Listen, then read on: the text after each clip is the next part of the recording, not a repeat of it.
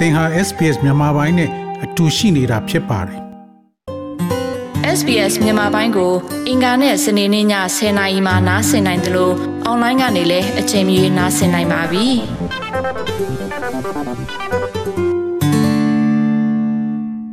အမောင်ခင်းဆိုတဲ့စကားလုံးကိုမြန်မာပြည်တွင်းကပြည်သူတွေလက်တွေ့ရင်ဆိုင်နေရပါပြီ။ ဒါကတော့လျှက်စစ်မီးပြတ်တောက်မှုတံကိုမြို့ပြတွေမှာပါနေ့စဉ်ညစဉ်ဆိုသလိုပြည်သူတွေရင်ဆိုင်နေကြရတာပါ။မီးပြတ်တဲ့တံကိုအန်တုခံရင်ရင်ဆိုင်နေရတဲ့ခက်ခဲတွေကိုရင်ဖွင့်တဲ့စာသားတွေဟာလည်းလူမှုကွန်ရက်စာမျက်နှာတွေပေါ်မှာနေ့တိုင်းလိုလိုမြင်တွေ့နေရပါတယ်။တချိန်ကမိတိတ်တိမ်လင်းခဲ့တဲ့ရန်ကုန်ညတွေဟာအခုဆိုနေရအများပြားမှာမိပြက်တာတွေကြောင့်ကားမီးရောင်တွေနဲ့သာမှုန်ပြပြလင်းနိုင်ပါတော့တယ်။ အစိုးရရုံအခြေစိုက်ရာနေပြည်တော်ကလွယ်လို့နိုင်ငံရဲ့နေရအများပြားလျှက်စင်မီတွက်တန်းရောက်ရှိတဲ့နေရာတွေမှာမိပြက်တာကအချိန်မှန်းမရအောင်ဖြစ်နေတာပါ။ရန်ကုန်မှာမိပြက်နေတဲ့အခြေအနေနဲ့ပတ်သက်ပြီးတာကေတမြို့နေအသက်60ကျော်အင်ရှင်မဒေါ်ချောနယ်ကအခုလိုဆိုပါတယ်။အခုလောလောဆယ်ကတော့ပုံမှန်တော့မရှိဘူး။၃နာရီပဲလာလဲလာ။၅နာရီလာရင်လာ။အဲ့လိုမျိုးလာနေတာ။ဟိုအရင်ဆို6နာရီက6နာရီပြည့်ပုံစံပေးချင်သူကိုပေးပြီးဒါကျွန်တော်တို့လာမှာ။ ဘလို့အချိန်ကြီးထားလဲမသိပါဘူး။အခုဒီနေ့ဆိုရင်9နာရီခွဲ10နာရီဆိုရင်ပြက်ပြီ။ပြက်ပြီးတော့2နာရီလောက်မှပြန်လာမှာလားမသိဘူး။လာချင်လဲလာမယ်လာချင်လဲမလာတော့ဘူး။လာတဲ့အချိန်ကမ္ဘာကချပြီးတော့ဒီမောင်းရတာပေါ့။အခုဒီနေ့ရှိတဲ့လူတွေလည်းအဲ့လိုပဲမောင်းရတာပဲ။မိညာအချိန်ကကမ္ဘာကလာတဲ့ချိန်လာတဲ့ချိန်ချမှာအဲ့လိုမောင်းနေတာ။ဒါလည်းမှကြတော့လေငါဟို3မိနစ်လောက်လာလိုက်ပြလိုက်7နိုင်နိုင်ခွက်လောက်ကြာအောင်အဲ့လိုပဲ3မိနစ်လာပြလိုက်3မိနစ်လာပြလိုက်အဲ့လိုပြနေတာနိုင်ခွက်လောက်ကြာ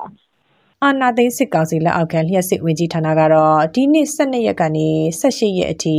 တပတ်တာအတွင်းနေရာတချို့မှာ24နာရီမိဖြတ်မယ်လို့ပြီးခဲ့တဲ့တနင်္ဂနွေကကြေညာခဲ့ပါတယ်။တဘာဝတက်ငွေစီမံကိန်းလုပ်ငန်းတွေလုပ်ဖို့အတွက်ဖြတ်တောက်မှာဖြစ်တယ်လို့အကြောင်းပြခဲ့ပေမဲ့တကယ်တမ်းလျှက်စစ်မီပြတ်တောက်နေတာအခုမှမဟုတ်ပါဘူး။ ပြီးခဲ့တဲ့နှစ်စက်တင်ဘာလလောက်ကတည်းက system breakdown ဆိုတဲ့အကြောင်းပြချက်နဲ့ မကြာခဏဆိုသလိုမိပြက်လာရကအခုဆို အချိန်နဲ့အချိန်ကြီးတွေ စိတ်လာတဲ့အနေအထားမှာ ရှိလာတာပါ ဒီလိုမိခဏခဏပြက်နေတာ တခါတရံဆိုတစ်နေ့လုံးမှာ3နာရီ4နာရီလောက်ပဲ လာတာတွေ ဖြစ်နေတာကတလားလောက်ရှိပြီလို့ ပြောနိုင်ပါတယ် မီးပြတ်တဲ့အချိန်တွေ ကြာလာတဲ့နဲ့အမျှ နိုင်ငံရဲ့ ကဏ္ဍပေါင်းစုံအထိပါ ထိခိုက်မှုတွေ ရှိလာပါတယ်။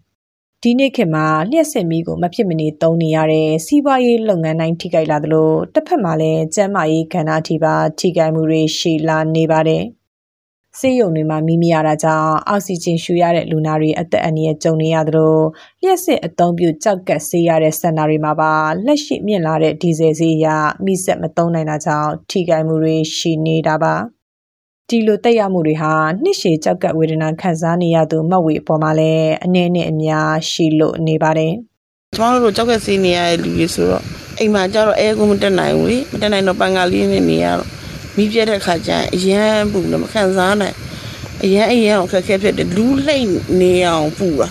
ကျမတို့လိုစင်းရဲတဲ့အလူခံပြီးတော့ကြောက်ကစီနေရတဲ့နာတာရှိကြောက်ကတဲ့ပေါ့နော်ကြောက်က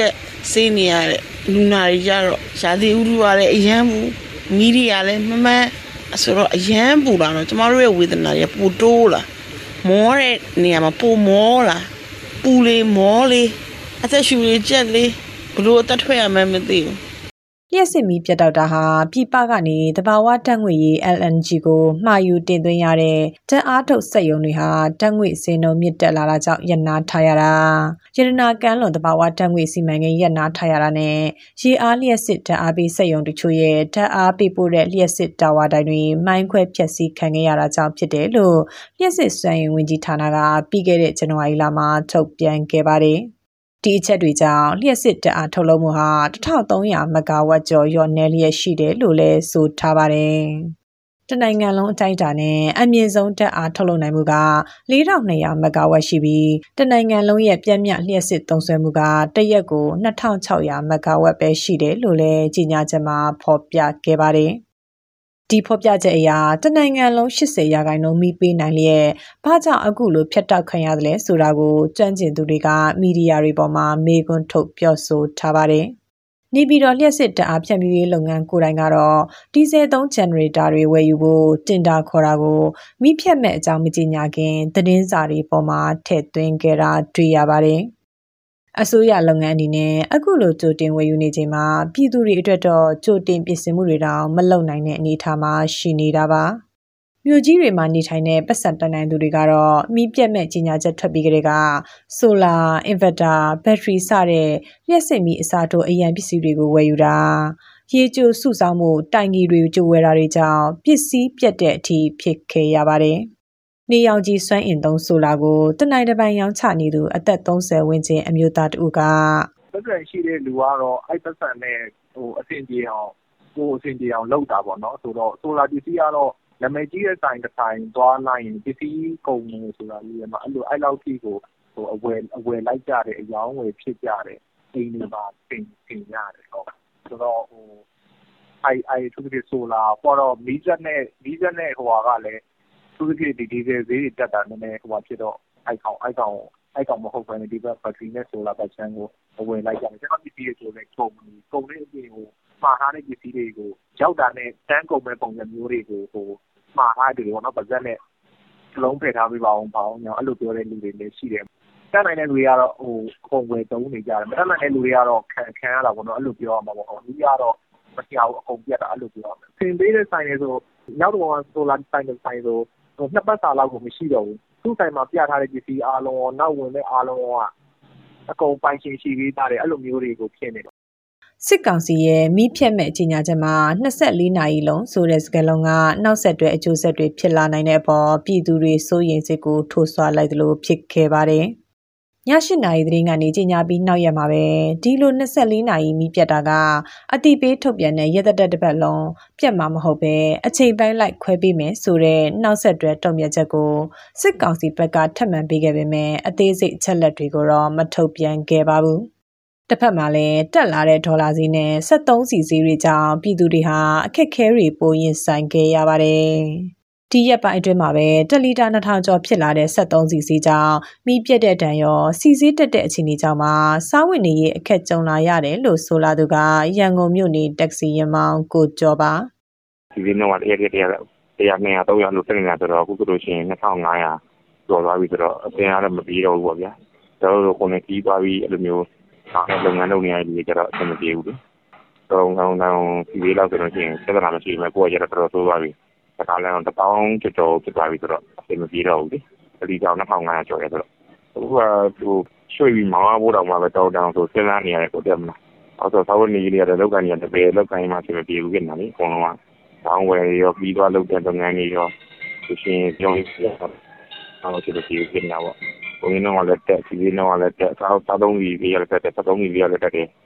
ဒီမျိုးပုံတက်နေတာဆိုတော့လေကျွန်တော်တို့အပြင်မပြေကြဘူးပြီးတော့မီးတွေလို့ရှိရင်တချို့ရက်ွက်တွေတို့ တော်တော်များကျွန်တော်ရှိပါရှိတော့ချောင်းလူလာလူရတာတွေပါရလို့သုံးနေရတာရှိတယ်ဒီတော်မှုကြောင့်ဒီသုံးရတာအဆင်မပြေကြတော့များညနေတိုင်းအဲဒီရက်ွက်တိုင်းပေါ့ဆိုတော့ဆိုတာပေါ့ကိုကျော်တို့လိုမြန်မာပြည်သူတွေအတွက်တော့စစ်ကောင်စီကတရဝင်ကြီးညာထားတဲ့မိပြက်မဲ့ရက်မရောက်ခင်ကတည်းကနောက်ဆက်တွဲအကျိုးဆက်တွေကိုအခုလိုရင်ဆိုင်နေကြရတာပါဒီအခက်အခဲတွေကိုကြော်လာနိုင်ဖို့ပြည်သူတွေကတောက်ခံရင်းနဲ့ပဲဖြည့်ရှင်းနိုင်မယ့်နည်းလမ်းတွေကိုလည်းမျှော်လင့်ကြပါတယ် ဒါပေမဲ့စစ်ကောင်စီရဲ့လျှက်စစ်ဝင်ကြီးဌာနကတော့အများပြည်သူအနေနဲ့လျှက်စစ်တပ်အားကိုမလိုအပ်ပဲအသုံးပြုမှုလျှော့ချကြဖို့ဆိုတဲ့တိုက်တွန်းချက်ကလွယ်ပြီးဖြည့်ရှင်းပေးမယ့်အခြေအနေကိုအခုထိတိုင်မချပြနိုင်သေးပါဘူး။လက်ရှိအခြေအနေသာအချိန်တိုင်းတာတစ်ခုထိကြာသားရင် ထိခိုက်မှုတွေပိုဆိုးလာနိုင်တာကြောင့်တာဝန်ရှိသူတွေအနေနဲ့စနစ်တကျတုံ့ပြန်လှုပ်ဆောင်မှုလိုတယ်လို့သုံးသပ်မှုအချို့လည်းရှိနေပါတယ်။ အဓိကတော့ အစိုးရပဲပေါ့ ကိုကိုကိုပြည်သူလူထုနဲ့ တိုင်းပြည်ပေါ့စေတနာထားတဲ့ အစိုးရပဲပေါ့ဆိုတော့ဒီကိစ္စကဟိုနိုင်ငံတော်များများမှာလည်းဒီပို့ဆောင်ဆက်သွယ်ရေးနဲ့အဲ့ဒီ player စစ်က အစိုးရကပဲ စီမံတာများတာပေါ့ဒါမှပုဂ္ဂလိကကိုလည်း campaign ပေးခြင်းပေးပေါ့အသိအစိုးရပဲ အရှုံးခံပြီးတော့ဟိုတော့မှကျောင်းစုကြီးဖြစ်မှာတော့ဟိုသမန်ကန်ကန်နဲ့အခုဒီမီတာကအပြည့်ဆောင်တာတော့ရှုံးသေးတာပေါ့ဆိုတော့ ဆိုရပဲတကယ်တော့အရှုံးခံပြီးနေပေးရတော့ကျန်တဲ့ကျန်တဲ့အရှုံးတဲ့ဟာကိုကျန်တဲ့ရအခုနဲ့ပြန်ကာပြီးအောင်လုပ်ရတာပေါ့နော်ဟိုမြန်မာနိုင်ငံမှာလည်းအခုလက်ရှိချိန်ရတယ်တည်တဲ့အတိုင်းဒီထက်ဆိုတဲ့အခြေအနေတွေလည်းဒီလိုတော့လောက်ကလည်းတခြားတဲ့နေရာတွေမှာခံနေရတာဆိုတော့ဖေးထူးလုပ်ပြီးတော့သိပြီးတော့ဟိုငိုပြကြတော့မရှိတော့ဖြစ်လာလို့များအကောင်ဟိုပါပေါ့ပြင်ဆိုင်ရတာပေါ့စစ်အာဏာသိမ်းမှုရဲ့နောက်ဆက်တွဲတံကိုအများအပြားခံစားနေကြရတဲ့ပြည်သူတွေဟာအမှောင်နှိမ်ကနေတွန်းလှန်မှုစိတ်သက်တွေကတော့ခိုင်မာနေကြသေးပါ ပြီးခဲ့တဲ့စစ်အာဏာသိမ်းတနည်းပြည်နေကကြောက်ပတောင်းမြို့နယ်လျှက်စစ်ရုံရှိမှာကိုကိုကိုတက်စီလောင်မီရှိုဆန္ဒထုတ်ပေါ်ရင်းတည်ဆုံခဲ့ရတဲ့ကိုအောင်အောင်ရဲ့စာရွက်ပေါ်ကြံ့ရစ်တဲ့စကလုံးတွေကတော့24နာရီလုံးအများပြည်သူမီလင်ပါစီ2001-2002ခုနှစ်ကို ပြန်မသွားဆိုတာပါပဲ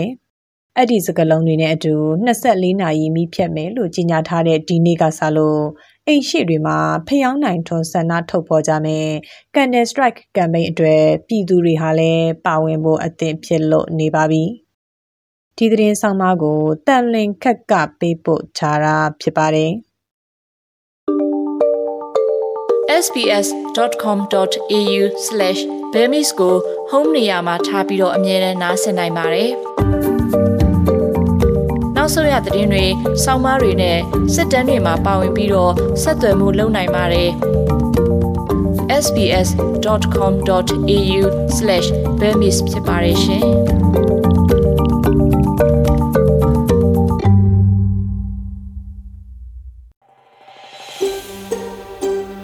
ဒါမျိုးသတင်းဆောင်မတွေကိုပိုနားဆင်လိုပါလား Apple Podcast Google Podcast Spotify တို့မှာသင်ပင်ရာဖြစ်ဖြစ်ရယူတဲ့ podcast കാണുക